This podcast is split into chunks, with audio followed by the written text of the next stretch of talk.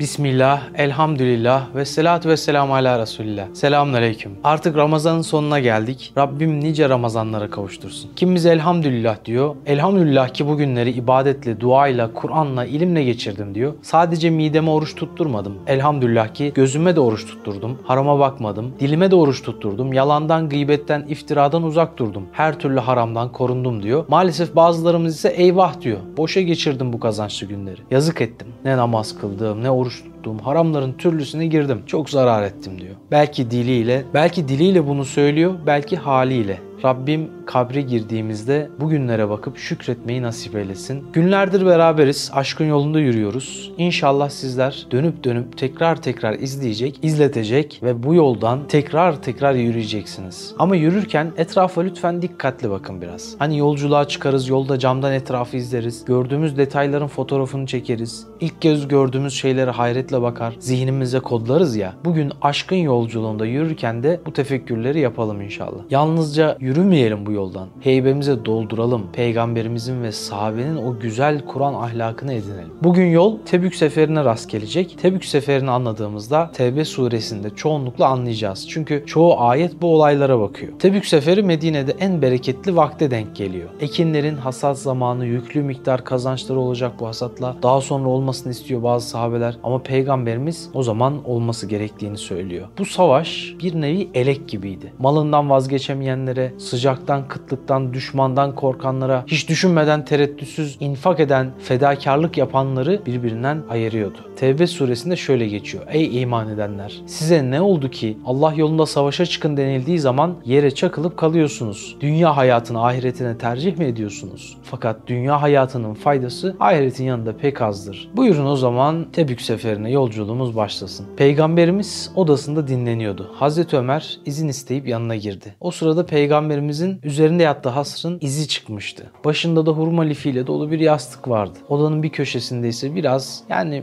bir iki avuç kadar ekmeklik arpa vardı. Hazreti Ömer peygamberimizin bu halini görünce ağlamaya başladı. Peygamberimiz neden ağladığını sorunca Hazreti Ömer ya Resulallah vallahi biliyorum ki sen Kisra ve Kayserlerden kral ya da sultanlardan çok daha şereflisin. Onlar refah içinde yaşarken sen çok fakir bir hayat sürüyorsun. Üstüne yattığın hasır göğsünü ezmiş, derin izler bırakmış. Odanda ne eşya ne de yiyecek bulunuyor. Ağlamamın sebebi buydu dedi. Peygamberimiz Aleyhisselatü Vesselam ise tebessüm edip ey Ömer bu dünya o kralların ahirette bizim olsun istemez misin? Hazreti Ömer isterim dediğinde peygamberimiz o halde bu duruma razı ol buyurdu. Hazreti Ömer ya Resulallah bu iş hiç kolay değil ki. Hiç olmazsa ümmetine dua etsen de geçimleri biraz daha kolay bir hale gelse. Allah'ı inkar edenler hiç sıkıntı çekmiyorlar deyince peygamberimiz yerinden doğrularak ey Hattab oldu yoksa senin Allah'tan şüphen mi var? Müşriklerin nazikleri görüp göreceği her şey bu dünyadadır. O da zaten hemen geçecektir buyurdu. Hayat görüşümüz Efendimiz Aleyhisselatü Vesselam gibi olmalı. Sloganımız dünya onların, ahiret bizim olsun olmalı. Böyle dostlar, böyle eşler seçmeliyiz. Sürekli dünyaya ve dünya nimetlerine, zevklerine, nefsin hoşuna giden şeylere değil, ahiret için faydalı şeylere sevk eden, davet eden kişileri seçmeliyiz. Dünyanın nimetlerinden elbette faydalanacağız ama bunun sıralaması çok önemli. Önceliği dünya zevkleri, nimetleri koyarsak ahiret geri planda kalır. Dünyanın zevki sefası da kısa olur, biter. Ama ahireti isteyen, önceliğe dinini koyan kişilere Allah ebedi mükafatlar hazırlar. Bu dünyada da onu elbette nimetlendirir. Bu gecenin bir duası olsun. Allah'ım seni unutturmayacak, ahiretimi geri planda bıraktırmayacak meşguliyetler ver bana. Hicretin 9. yılıydı.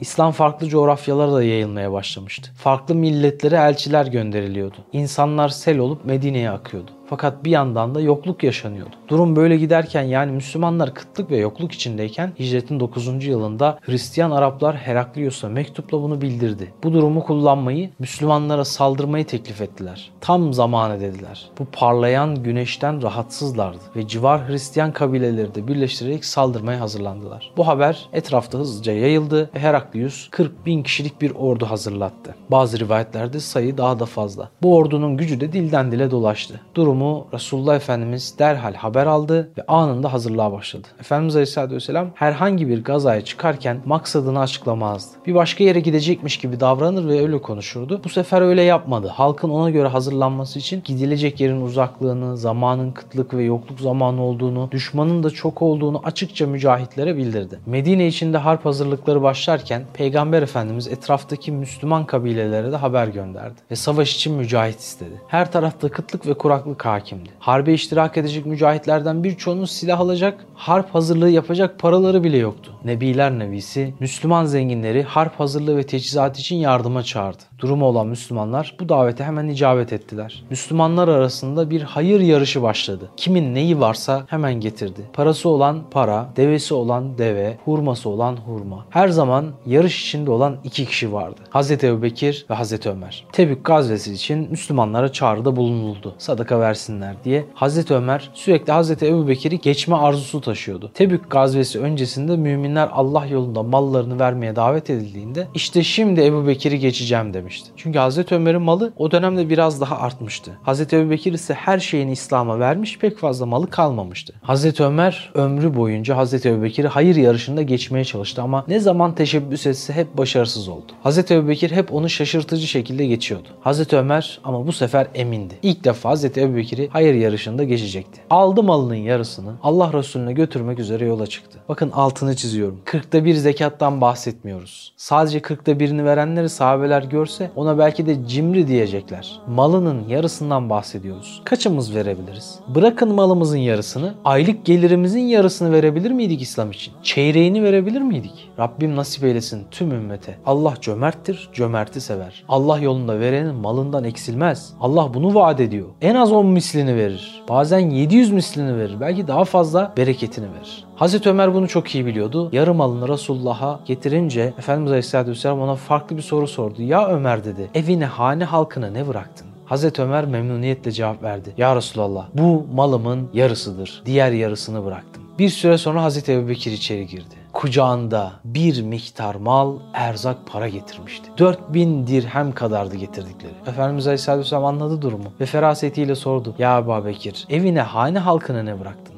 Hazreti Ebubekir eğdi başını mahcup ama huzur dolu bir sesle Allah ve Resulünü bıraktım dedi. Hazreti Ömer ağlamaya başladı. Bu nurlu tablo karşısında çok duygulandı ve demişti ki o gün anladım hayırda Ebu Bekir'i geçmek mümkün değil. Hazreti Ebubekir oradan çıktı. Evine dönerken bir fakir ondan kıyafet istedi. Gel dedi evimin kapısına. Evin kapısına gitti üstünü çıkartıp kapıdan kıyafetini o fakire uzattı. Yani tüm malını İslam için getirip veren Hazreti Ebubekir son malı olan o kıyafeti de o fakire verdi. Bu nasıl bir güzellikti? Resulullah onu yanına çağırdı. Hazreti Ebubekir bir hasırdan çuval bulup hasırın üstüne aba gibi giydi ve Efendimiz Aleyhisselatü Vesselam'ın yanına gitti. Hazreti Cebrail, Cibril Emin gelmişti. Sordu Efendimiz'e, ey Allah'ın Resulü bu yanındaki abaya bürünen zat kimdir? Efendimiz Aleyhisselatü Vesselam bu Ebu. Malının hepsini İslam için harcadı. Beni tasdik etti. Kızını bana nikahladı diye onu takdim etti. Cebrail Aleyhisselam dedi ki, onu tebrik et. Allah soruyor, ben kulum Ebu razıyım. Acaba o benden razı mı diye. Bu ne kadar müthiş bir şey. Düşünebiliyor musunuz? Kulum bu halinde benden razı mı? Ben ona bu kadar zorluklar, imtihanlar yaşatırken ben onun halinden razıyım. O benden razı mı?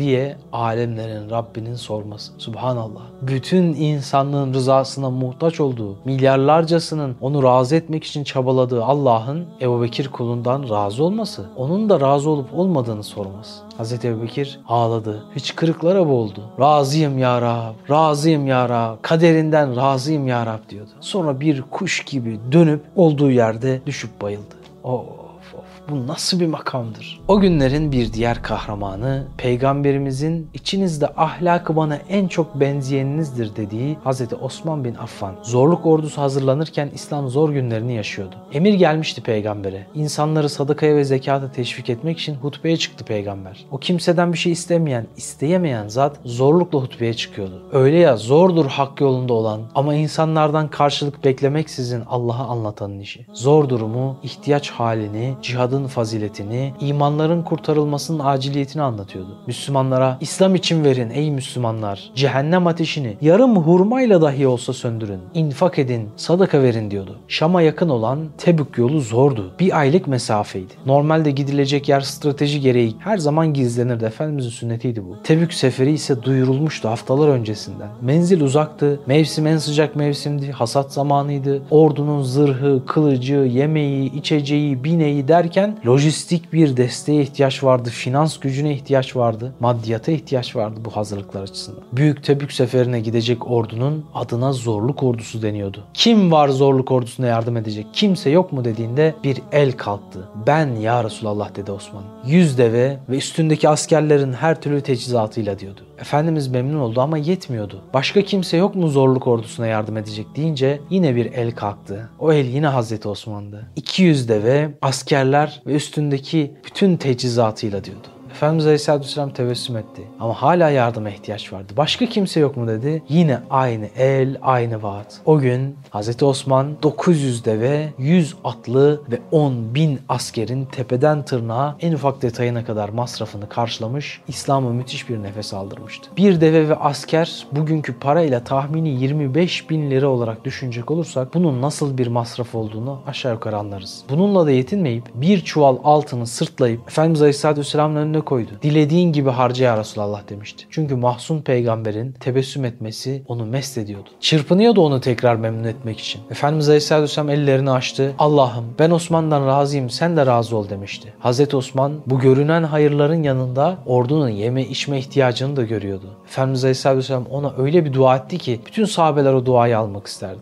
Osman bundan sonra ne yaparsa yapsın ameli kendisine zarar veremez demişti. Bu bir nevi cennetle müjdelemekti. Daha önce defalarca yaptığı gibi. Tebük Savaşı hazırlıkları yapılıyordu. Peygamberimiz Aleyhisselatü Vesselam ihtiyaç devam ettiği için çağrıda bulunmaya devam ediyordu. O çağrıya bir kahraman daha koşacaktı. 30 bin askerin teçhiz edilmesi gerekiyordu ve eksik çoktu. O gün Efendimiz Aleyhisselatü Vesselam'ın yüzünü güldüren kişilerden biri de Abdurrahman İbni Avf'tı. Önce cebimde 4000 dirhem var ya Resulallah. Bunun hepsini mi vereyim, yarısını mı vereyim, ailemi mi saklayayım dedi. Efendimiz Aleyhisselatü Vesselam yarısını ailene harcaman daha hayırlıdır dedi. Allah verdiğini de ailen yanına bıraktığında mübarek kılsın dedi. Sonraki gün ordunun ihtiyaçları devam ettiği için Efendimiz Aleyhisselatü Vesselam tekrar çağrı yapmıştı. Abdurrahman bin Avf bu sefer 500 at, 1500 yüklü deve vermişti. Efendimiz Aleyhisselatü Vesselam yine eksiklerden dolayı çağrı yapınca bu sefer de 40 bin dinar altın para gönderdi. Bir dinar 4,5 gram altın demekti. Şimdi bile muazzam bir sermayeydi bu. Abdurrahman bin Avf tüm ticaretini bu şekilde tüketmiş oluyordu. Hazreti Ömer onun kolundan tuttu. Ya Resulallah Abdurrahman o kadar çok verdi ki ailesini mağdur etti. Ailesine bir dirhem bile bırakmadı dedi. Efendimiz Aleyhisselatü Vesselam sordu. Ailene ne bıraktın ey Abdurrahman? Abdurrahman bin Avf sevdanın göz bebeklerine baktı. Derin bir nefes çekerek huzurla verdi. Tıpkı Hazreti Ebu Bekir gibi Allah ve Resulüne bıraktım dedi. Kendine onun fedakarlığını örnek alıyordu. Efendimiz Aleyhisselatü Vesselam tebessüm etti. Aldım, kabul ettim dedi. Halbuki Efendimiz Aleyhisselatü Vesselam çok sahabenin malının tamamını vermesini kabul etmemiş. Hatta çeyreğini bile kabul etmediği olmuş. Daha azını vermesini kabul etmişti. Ama konu Abdurrahman olunca esen rüzgarın şekli bir başka oluyordu. Onun gibi çok sevdiği nice sahabesine bazı lakaplarla seslenirken ona sadece adıyla hitap etmeyi tercih ederdi. Abdurrahman Rahman'ın kulu demekti. Bundan daha güzel lakap var mıydı ki? Tebük dönüşünde Efendimiz Aleyhisselatü Vesselam ve Muhire bin Şube abdest almak için su aramak üzere uzaklaşmışlardı. Sahabeler bekledikçe beklediler fakat Efendimiz Aleyhisselatü Vesselam gelmemişti. Vakit çıkacak endişesine kapıldılar. Efendimiz Aleyhisselatü Vesselam gittiği yerde kılmış olabileceğini düşünüp Abdurrahman bin Avf'ı binlerce kişilik cemaatin imamı olarak seçtiler. Abdurrahman bin Avf namazı kıldırırken Efendimiz Aleyhisselatü Vesselam yetişti ve onun arkasında namaza durdu. Ne büyük şeref ki peygambere imamlık yapmıştı. Ama kendisi bu durumdan çok utanmıştı. Efendimiz ise siz iyi yaptınız, ne güzel kıldırdınız karşılığını vermişti. Ve eklemişti. Bir peygamber salih bir kimsenin arkasında namaz kılmadıkça ruhu kabz olmaz. Tüm bu infak etme, sadaka verme hikayeleri kadar beni etkileyen bir başka hikaye de bir sadaka vermeme hikayesi var. Daha doğrusu sadaka verememe hikayesi. Ulve bin Zeyd adında gönlü aşk ile yanan bir kahraman vardı. Sahabeler sadaka verdikçe duygulanıyordu. Onun verebilecek hiçbir şey yoktu. Her gün Allah Resulü Aleyhisselatü Vesselam'ın yanına geliyor. Ya Resulallah bana bir binek veya bir kıyafet veya bir kılıç yok mu? Ben de cihad etmek istiyorum diyordu. Ama Allah Resulü her seferinde ona binek veya kılıç veya herhangi bir şey bulamadığını, bu yüzden o sefere, o mukaddes cihada katılamayacağını söylüyordu. Ulbe, ciğeri sökülene kadar ağlıyordu. Sahabe sadaka ve infak ettikçe o hiçbir sadaka verememekten dolayı içi yanıyor. O da Allah yolunda cihat etmek, o da Allah yolunda sadaka vermek istiyordu. En sonunda ağlayarak mescide girip secdeye kapandı ve Allah'ım ben de sadaka vermek istiyorum. Fakat verebilecek hiçbir şeyim yok. Öyleyse ben de onurumu sadaka veriyorum. Eğer herhangi bir Müslümanda benim kul hakkım varsa ben de onu sadaka olarak veriyorum dedi. Sabah namazı kılındı ve Allah Resulü kim sabah namazından önce sadaka verdi diye sordu. Kimse cevap vermedi. Efendimiz Aleyhisselatü Vesselam tekrar sordu. Sonra tekrar sordu. En sonunda kimse cevap vermeyince Ulbe'ye dönerek sordu. Ulbe Efendimiz Aleyhisselatü Vesselam'ın kendisinden bir cevap beklediğini anlamıştı. Ya Resulallah ben Allah'a şu şekilde dua ettim dedi. Efendimiz Aleyhisselatü Vesselam tebessüm etti. Allah bildiriyor. Arş-ı alada sadakan kabul oldu dedi. Ulbe şükür secdesine kapandı. Ulbe Bekkaunlardan biriydi. Bekkaun ağlayanlar demekti. Onlar savaşa katılmak isteyen binlerce sahabeden en fakirleriydi. Ne ayakkabıları, ne kılıçları, ne binekleri vardı. Hatta doğru düzgün kıyafetleri bile yoktu. Namazda setre avreti bile zor sağlayacak bu kadar derecede fakirlerdi. Bu yedi sahabe Efendimiz Aleyhisselatü Vesselam'a gelir, her gün cihada katılmak için gayret eder ama elleri boş dönerlerdi ve ağlayarak dönerlerdi. Ayet onlar hakkında indi. Bir de o kimselere günah yoktur ki kendilerini bindirip savaşa sevk edesin diye sana geldikleri zaman kendilerine sizi bindirecek bir hayvan bulamıyorum demiştin. Bu uğurda sarf edecekleri şeyi bulamadıklarından dolayı kederlerinden gözyaşı döke döke dönüyorlardı.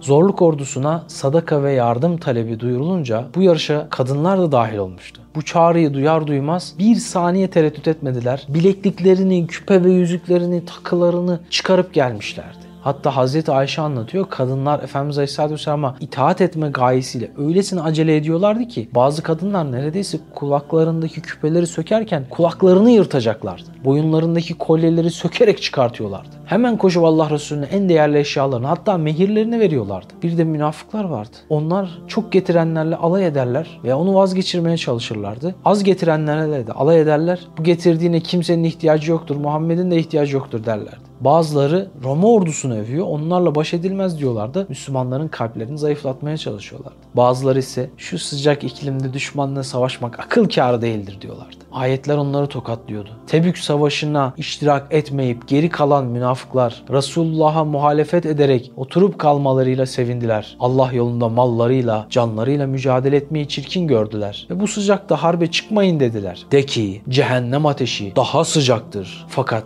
gidecekleri yeri bir bilselerdi. Peygamberimiz 30 bin kişilik orduyu hazırlatmıştı ama bazı askerler geri kalmıştı. Peygamberimiz eğer geride kalanlar hayırlı insanlar ise Allah bize ulaştırır. Hayırlı değilse şerlerinden kurtulmuş oluruz dedi. Ebu Zer de bunu yaşadı. Devesi gitmek bilmedi. Devesini biraz dinlendirip orduya yetişmeyi düşündü ama devesi dinlenince tam tersi daha da yavaşladı. O da sırf orduya yetişebilmek niyetiyle deveyi bırakıp o sıcakta yüklerini yüklenip yayan bir şekilde yola koyuldu. Birkaç gün sonra orduya yetişince Peygamberimiz onu görüp gülümsedi. Allah Ebu Zer'e rahmet etsin. O yalnız başına yürür. Yalnız başına yaşar. Yalnız başına olur. Yalnız başına ölür. Yalnız başına defnedilir dedi. Sonra da ey Ebu Zer buraya gelene kadar attığın her adımda Allah bir günahını affetti buyurdu. Daha sonralar gerçekten de Efendimizin müjdesi gerçek oldu. Ebu Zer yalnız yaşadı, yalnız öldü, yalnız defnedildi. Dönelim tekrar o savaşın seferine. İslam ordusu Tebük'e kadar 19 kere mola verdi. Bir mola yerinde Semud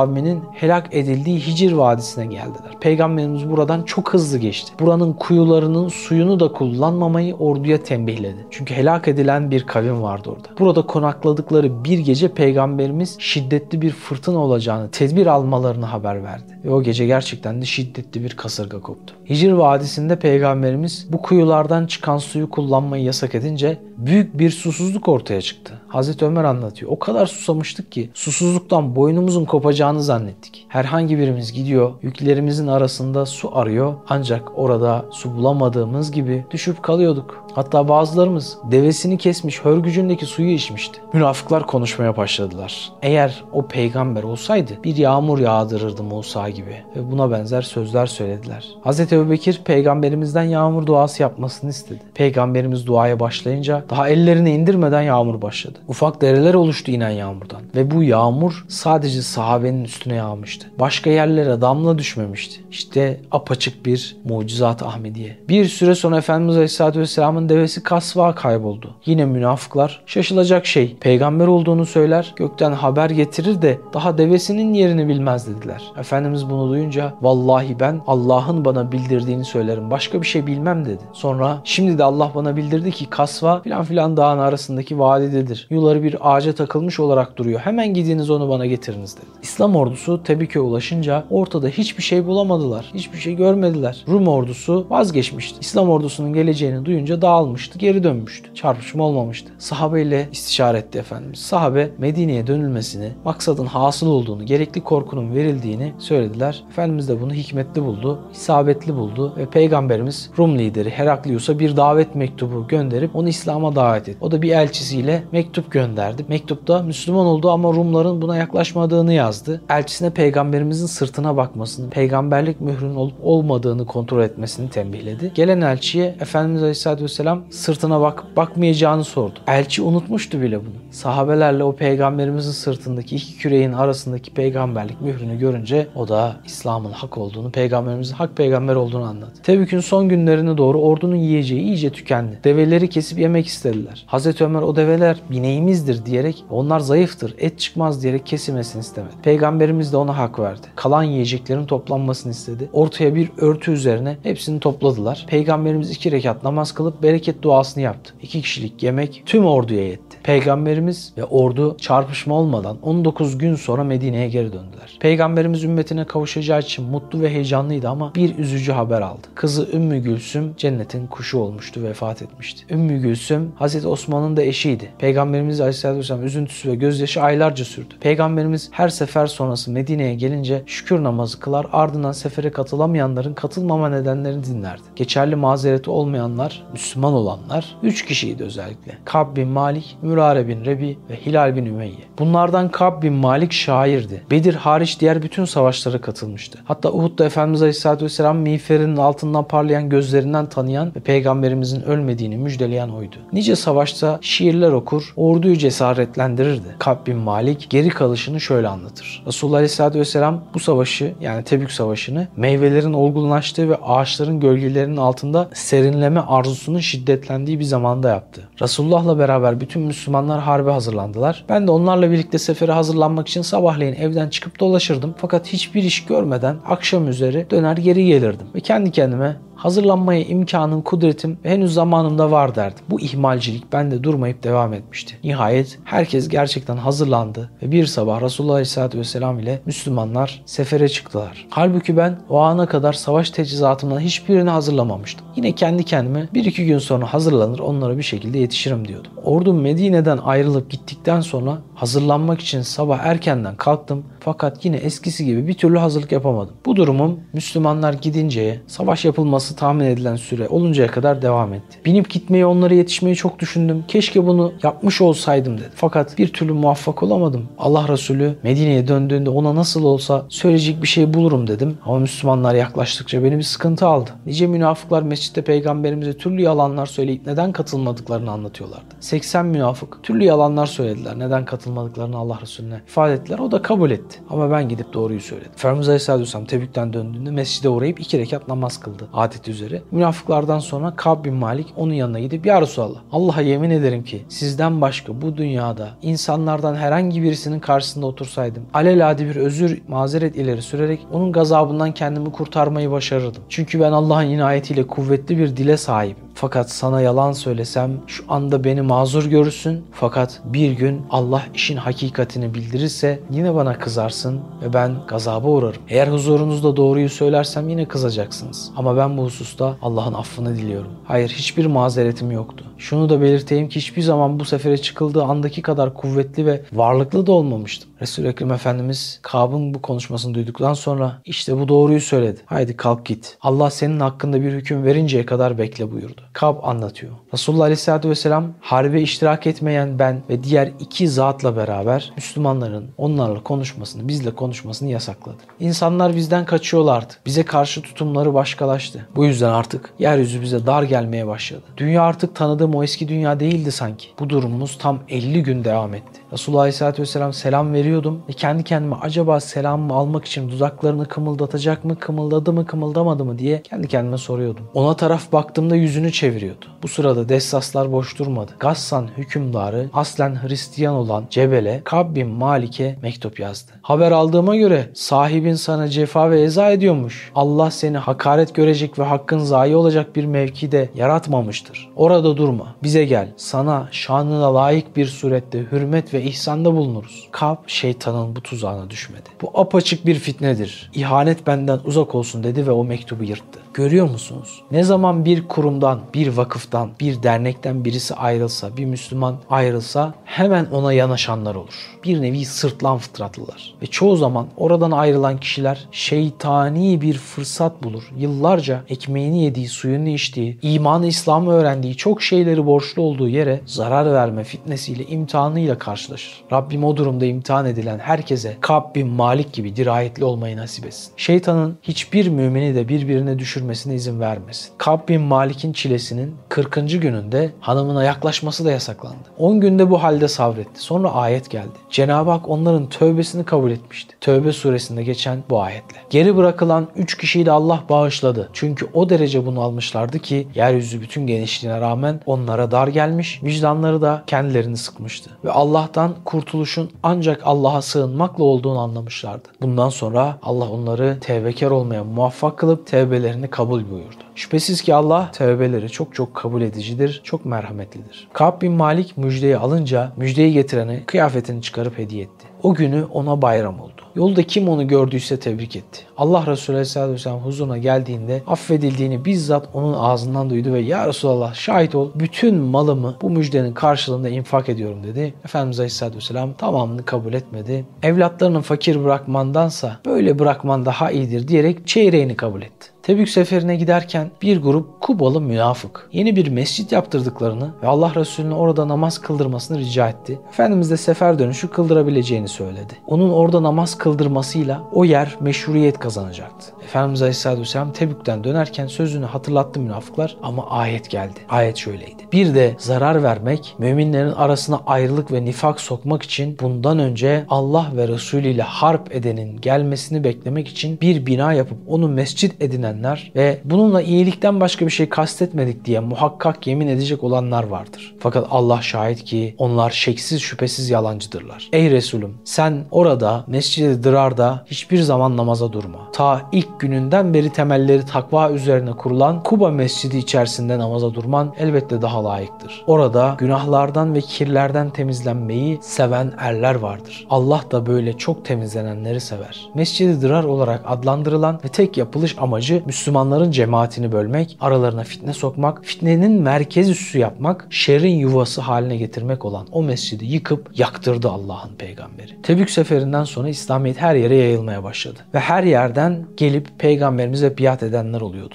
Hicretin yine 9. yılıydı. Münafıkların başı olan Uhud'da yalanlar söyleyerek bin kişiden 300'ünü geri döndüren münafık lideri Abdullah bin Übey hastalanmıştı. Peygamberimiz de onu ara ara ziyaret ediyordu. Çünkü onun etrafında toplanan münafıkları İslam'ı tebliğ etme niyeti vardı. Daha sonra bu baş münafık öldü. Bu münafığın oğlu ise samimi bir Müslümandı. Allah Resulüne gelerek Abdullah bin Übey'in öldüğünü söyledi ve gömleğini onu kefenlemek için istedi. Hazreti Ömer olanları şaşkınlıkla izliyordu. Peygamberimize sordu bu adamın bize etmediği kalmadı. Neden namazını katıldın diye. Peygamberimiz de onun affedilmeyeceğini ayetle bildiği halde etrafındaki münafıklardan bir kişi bile Müslüman olur umudu taşıdığını, bunun için cenazeye katıldığını söyledi. Bir kişinin bile Müslüman olması çektiği bütün dertlere değiyordu. Tek derdi İslam'ı anlatabilmekti. Bunu yaparken çektikleri hiç hükmündeydi onun için. Peygamberimizin umduğu gibi de oldu. Abdullah bin Übey'in etrafındaki bin münafık bu olayla Müslüman oldu. Hazreti Ömer Allah Resulü her zaman her şeyi daha iyi bilirken ona karşı söylediğim bu sözleri çok pişmanım diyerek ağlamıştı. Peygamberimiz minbere çıktığı bir gün gördüğü rüyasını anlattı. Rüyasında kollarında iki altın bilezik olduğunu ama onlardan hoşlanmadığını üfleyince de uçup gittiğini söyledi. Bu bilezikler peygamberlik iddiasında bulunacak iki müşriye işaretti. Bu yalancılardan birisi Müseylime, biri Esvet adlı kişiydi. Beni Hanifelilerden bir grup Medine'ye gelmişti. 17 kişilik grupta 16 kişi peygamberimizin yüzünü görünce iman ettiler. Fakat biri gelmemişti. Devesinin yanında bekliyordu. Peygamberimiz bunun Müseylime olduğunu anladı. Yanına giderek konuştu. Müseylime rahat bir tavırla kendisine vahiy geldiğini, o yüzden kendisinin de peygamber olduğunu, bu yüzden mallardan pay almak istediğini söyledi. Peygamberimiz onu rüyasında gördüğünü, eğer kendisine ve Allah'a karşı gelirse helak olacağını söyledi. Müseyleme türlü hokkabazlıkları bilirdi. Çeşitli ülkelere gidip bir takım numaralar öğrenmişti. Bunlarla da cahil insanları kandırır, kendine biat ettirir, mucize zannettirirdi. Sonraları daha da ileri girerek sık sık Cebrail ile görüştüğünü, kendisine vahiy getirdiğini söyledi. Yalan ayetler sundu. Beni Hanife halkı kıtlıktan dolayı Müseyleme'den bereket duası istediler. Müseyleme peygamberimizin bereket duasını öğrenmişti. Onun gibi yapıp kuyuya döktü ama onun dönüşüyle kuyudaki su artması gerekirken tam aksine daha da azaldı. Sonra bir adam peygamberimizin abdest suyunu getirip kuyuya döktü de su, kuyudaki su tekrar coştu. Hepsi işte ekinlerini bağ bahçesini suladı. Sonra biri bu abdest suyu Müseylime'nin dedi tekrar denemek için. Müseylime'nin abdest suyunu kuyuya döktüler. Kuyunun suyu tekrar çekildi. Kalanı da acılaştı. Ama bunlara rağmen Beni Hanife halkı Müseylime'den vazgeçmediler. Çünkü onu bırakıp peygamberimize biat ederlerse içki, kumar, zinayı bırakmak zorunda kalacaklardı. Bu şekilde Müseylime halkı kandırmaya devam etti. Uhud Savaşı'nda peygamberimizin amcası Hazreti Hamza'yı öldüren Vahşi daha sonra Müslüman oldu ama Müslüman olsa da utancından peygamberimizin yüzüne bakamazdı. Peygamberimiz İslamiyet eski günahları siler dese de Hazreti Vahşi üzgün ve içi rahat değildi. Vicdanını rahatlatıcı olan şey Müseyleme'yi öldürmekti. Hazreti Hamza'ya karşı Müseyleme. Hazreti Hamza'yı şehit ettiği mızrağı alıp Müseyleme'nin ordusuna doğru yürüdü ve Müseyleme'ye doğru mızrağını attı, onu öldürdü.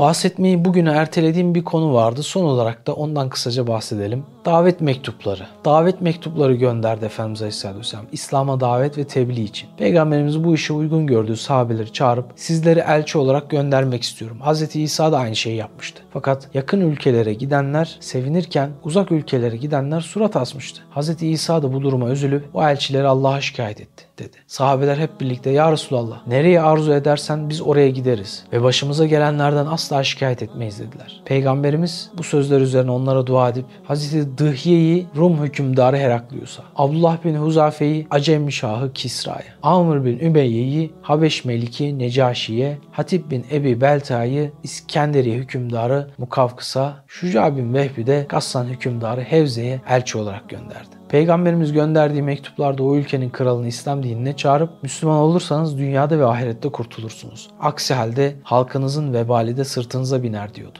Peygamberin vebal dediği husus mektupların en önemli noktası sayılırdı. Çünkü bir hükümdar İslam dinini seçse halkı da o yoldan gidip Müslüman olur ve Allah'ın yardımıyla kurtuluşa ererdi. İslam'ın ilk yıllarında müşriklerin işkenceleri arttığında ilk hicret edilen yer Habeş ülkesi olmuştu ve Habeş Meliki Necaşi bütün baskılara rağmen Müslümanları geri vermemişti. Asıl adı Ashama olan bu şefkatli melik daha sonraki yıllarda İslam dinini gizlice öğrenmiş ve onun hak olduğuna inanmıştı. Kısacası Ashama bu dine bağlanmak için ufacık bir kıvılcım bekliyordu. O kıvılcım peygamber mektubuydu. Necaşi mektubu okuduktan sonra onu gözlerine sürüp başına koydu ve şehadet getirerek eğer Allah Resulüne gitmeye imkanım olsa hemen giderdim. Ben Hz. Muhammed'in İsa peygamber tarafından müjdelenen son peygamber olduğuna inanıyorum ve bu imanımı Allah'ı şahit tutuyorum dedi. Necaşi daha sonra o mektubu fil dişinden bir kutuya koyarak bu mektup bu ülkede kaldığı sürece Allah'ın bu ülkedeki rahmeti ve bereketi mutlaka devam edecektir dedi. Necaşi Müslüman oldu haberi yayılınca Habeş halkının bir kısmı hemen ayaklanarak isyana başladı. Bu nedenle Necaşi hicret sırasında gelen Müslümanlar için endişeye kapılıp onları iki gemiyle geri gönderdi. Hz. Cafer bunların arasındaydı. Yanında da Habeşli ve Şamlı 70 kişilik bir grup bulunuyordu. Bu kişiler Medine'ye 1-2 gün uzaklıktaki Car limanına inip daha sonra develerle Medine'ye döndüler ve Necaşi'nin verdiği mühürlü mektubu Allah Resulüne ulaştırdılar. Necaşi bu mektubunda şöyle diyordu. Ya Resulallah elçilerin şahittir ki mektubunu alır almaz Müslüman oldum. İsyanlardan ötürü artık sözüm benden başkasına geçmiyor. Oğlum Erha'yı yanına gönderiyorum. Ama eğer benim de gelmemi istersen mutlaka gelmeye çalışacağım. Söylediğin şeyler hak ve gerçektir. Selam olsun sana ey Allah'ın elçisi. Müslümanlar ilk gemiyle döndükten sonra diğer gemiyi beklemeye koyuldular. Çünkü Necaşi'nin oğlu o gemideydi. Yanında da akrabaları vardı. Fakat gemi bir fırtınada batmış, içindeki 60 kişi sulara gömülmüştü. Efendimiz Aleyhisselatü Vesselam Amr bin Ümeyye'yi yazdığı iki mektubunu vererek gönderdi. Perviz Fars Kisrası yani İran hükümdarıydı. Efendimizin davet mektubunu açıp okumaya başladı. Bu mektup Allah Resulü Muhammed'den Farsların büyüğüne şeklinde başlıyordu. Perviz buna kızarak Muhammed benim bir kölem durumundayken bana böyle yazmaya nasıl cesaret eder deyip mektubu yırttı. Mektubu getiren Abdullah bin Huzafe bir konuşma yaptı ama Kisra onu dinlemeyip sarayından çıkarttı. Daha sonra da Yemen valisi Bazan'a bir haberci gönderip Mekke'de bir adam çıkmış. Peygamber olduğunu söylüyormuş. Onu hemen ikaz et ki bu davadan vazgeçsin. Yoksa bir ordu gönderip onu ve kavmini öldüreceğim. Sen de onun üzerine birkaç adam sal eski dinine dönmesini emret. Eğer kabul etmiyorsa başını kestirip bana ulaştır dedi. Yemen valisi Bazan hükümdar için tanrı diyordu. Bu nedenle emirlerine boyun eğip Medine'ye iki elçi gönderdi. Peygamberimiz Perviz'in yaptıklarına çok üzülmüştü. Çünkü hem bir peygamber mektubu yırtılmış hem de yüz binlerce insan Allah'ın dininden mahrum bırakılmıştı. Peygamberimiz ellerini semaya kaldırarak Ya Rabbi Perviz benim mektubumu nasıl parçaladıysa sen de onu ve mülkünü parçala dedi. Perviz birkaç gün sonra kendi oğlu tarafından bir hançerle parça parça edilip öldürüldü. Yemen valisi Medine'ye elçi gönderdi.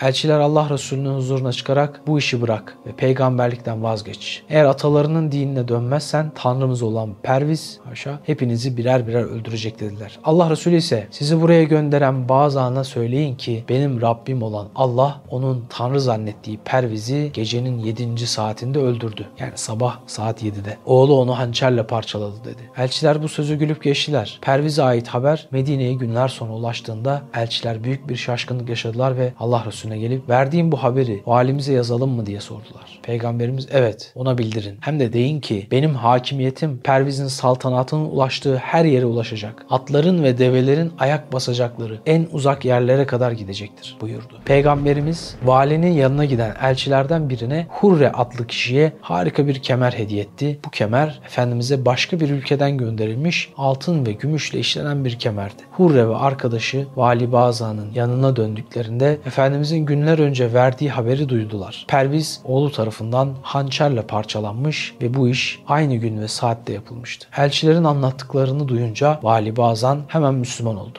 Ebna halkı da bu ülkeden Yemen'e hicret edip yerleştiler ve İslam diniyle şereflendiler. Fakat daha öncesinde İran Kisrası Perviz Efendimizin mektubunu yırttıktan sonra sakinleşmiş ve onu yerden alarak okumuştu. İlk satırdaki ifade onu kızdırsa bile bu mektup bir siyasi belge olarak saklandı ve asırlar boyunca elden ele geçerek bugüne ulaştı. Peygamberimiz hicretten çok önceleri Rum Kayser'in İslam'a çağırmış. Bu nedenle o Kayser'e 5 kişilik bir heyet göndermişti. Kayser tebliğ mektubunu okuduğunda saltanattan ayrılmak çok zor olmasa olmasaydı Müslüman olmayı arzu ederdim diyerek işi savsaklamıştı. Allah Resulü hicretin 7. yılına gelince Kudüs'teki Kayser'e bir elçi daha göndermişti. O yıllarda Kayser Heraklius'tu. Mektubu götüren de Dıhiyetül Kelbi adlı sahabeydi. Dıhiye Cebrail Aleyhisselam'ın insan suretine gelirken suretine büründüğü sahabeydi. Çünkü Dıhiye vahye aşık birisiydi. Vahye olan iştiyakını Allah mükafatlandırdı. Vahiy meleği de insan suretine geldiğinde onun suretine giriyordu. Heraklius mektubu okuduktan sonra vallahi çok iyi biliyorum ki seni gönderen kişi Allah'ın son peygamberinden başkası değildir. Zaten onun gelmesini bekler dururduk. Fakat onun dinine girdiğim takdirde saltanatıma son verip beni öldürmelerinden korkarım dedi. Daha sonra da Dağıtır adlı bilginin sözü benden daha fazla dinlenir. Onunla konuş bakalım ne diyecek dedi. Hazreti Dıhye bundan sonrasını şöyle anlatıyor. Dağıtır o mektubu okuyunca seni gönderen kişi vallahi peygamberdir. Biz zaten onun ismini kitaplarda görmüştük. Ona benden selam söyle ve de ki Allah'tan başka ilah yoktur. Ve Muhammed de onun peygamberidir dedi. Dağıtır Hazreti Dıhiye ile görüştükten sonra hemen odasına girip üstündeki siyah elbiseyi çıkardı. Beyazlara büründü ve asasını eline alarak dışarı çıktı. Kilisede toplanan halka seslenerek Ey Rum cemaati! Ahmet peygamber bir mektup göndermiş. Bizleri Yüce Allah'ın dinine çağırıyor. Ben şehadet ederim ki Allah'tan başka ilah yok. Ahmet peygamber ise onun hem Resulü hem de kuludur dedi. Bu sözler üzerine Dağıtır'ı döve döve şehit ettiler. Dağıtır ölse bile Heraklius'un niyeti her şeye rağmen Müslüman olmaktı. Bir gün Hıms'taki köşküne Rumların en seçkin insanlarını davet etti. Onlar geldiğinde ise köşkün kapılarını kilitletti. Daha sonra kendilerine seslenerek ''Ey Rum cemaati, temelli bir kurtuluşa ermeyi, saltanatımızın asırlar boyu sürmesini ve Peygamberimiz İsa'nın sözlerine uymak ister misiniz?'' diye sordu. Elbette isteriz diye cevap verdiler. Heraklius davet mektubundan bahsedip o halde İslam dinine girelim. Bizi Müslüman olmaya çağıran kişi son peygamberden başka biri değildir. Onun özellikleri bizim kitabımızda belirtilmiştir dedi. Bu sözler üzerine sanki çıldırmışçasına bağırıp çağırdılar. Dışarıya çıkmak için kapılara koştular fakat her yer kilitliydi çıkamadılar. Heraklius'un hayatı tehlikeye girmişti. Söylediği sözler ülkeye yayılırsa hem saltanatı yıkılır hem de öldürülürdü. Bu yüzden de daha önce planladığı gibi dışarıya çıkmak için uğraşanlara seslenip ben sizleri biraz önce imtihan ettim. Şunu açıkça gördüm ki hepiniz dininize bağlısınız. Zaten sizden bu tepkiyi beklemekteydim. Beni sevindirip mutlu ettiniz dedi. Rumlar bunun üzerine ona secde ettiler. Rum Kayseri Heraklius, Peygamber Efendimizin mektubunu bir kutuya koydurdu. Daha sonra o mektuba bir cevap yazarak Dıhye'ye verdi. Heraklius bu mektupta Allah'a ve Resulüne iman ettiğini açıkça belirtiyor ve ben Rumları İslam'a davet ettim fakat yanaşmadılar. Eğer beni dinlemiş olsalardı kesinlikle kurtuluşa ererlerdi.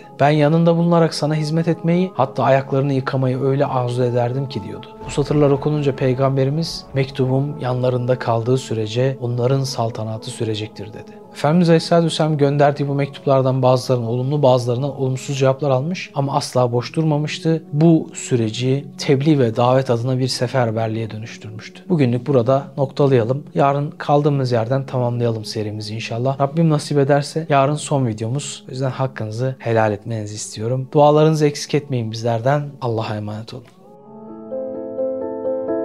Osman Sungur Yeke'nin yeni çıkan Hadi İnşallah kitabını Nüve Pazar, DNR ve kitapyurdu.com'dan satın alabilirsiniz.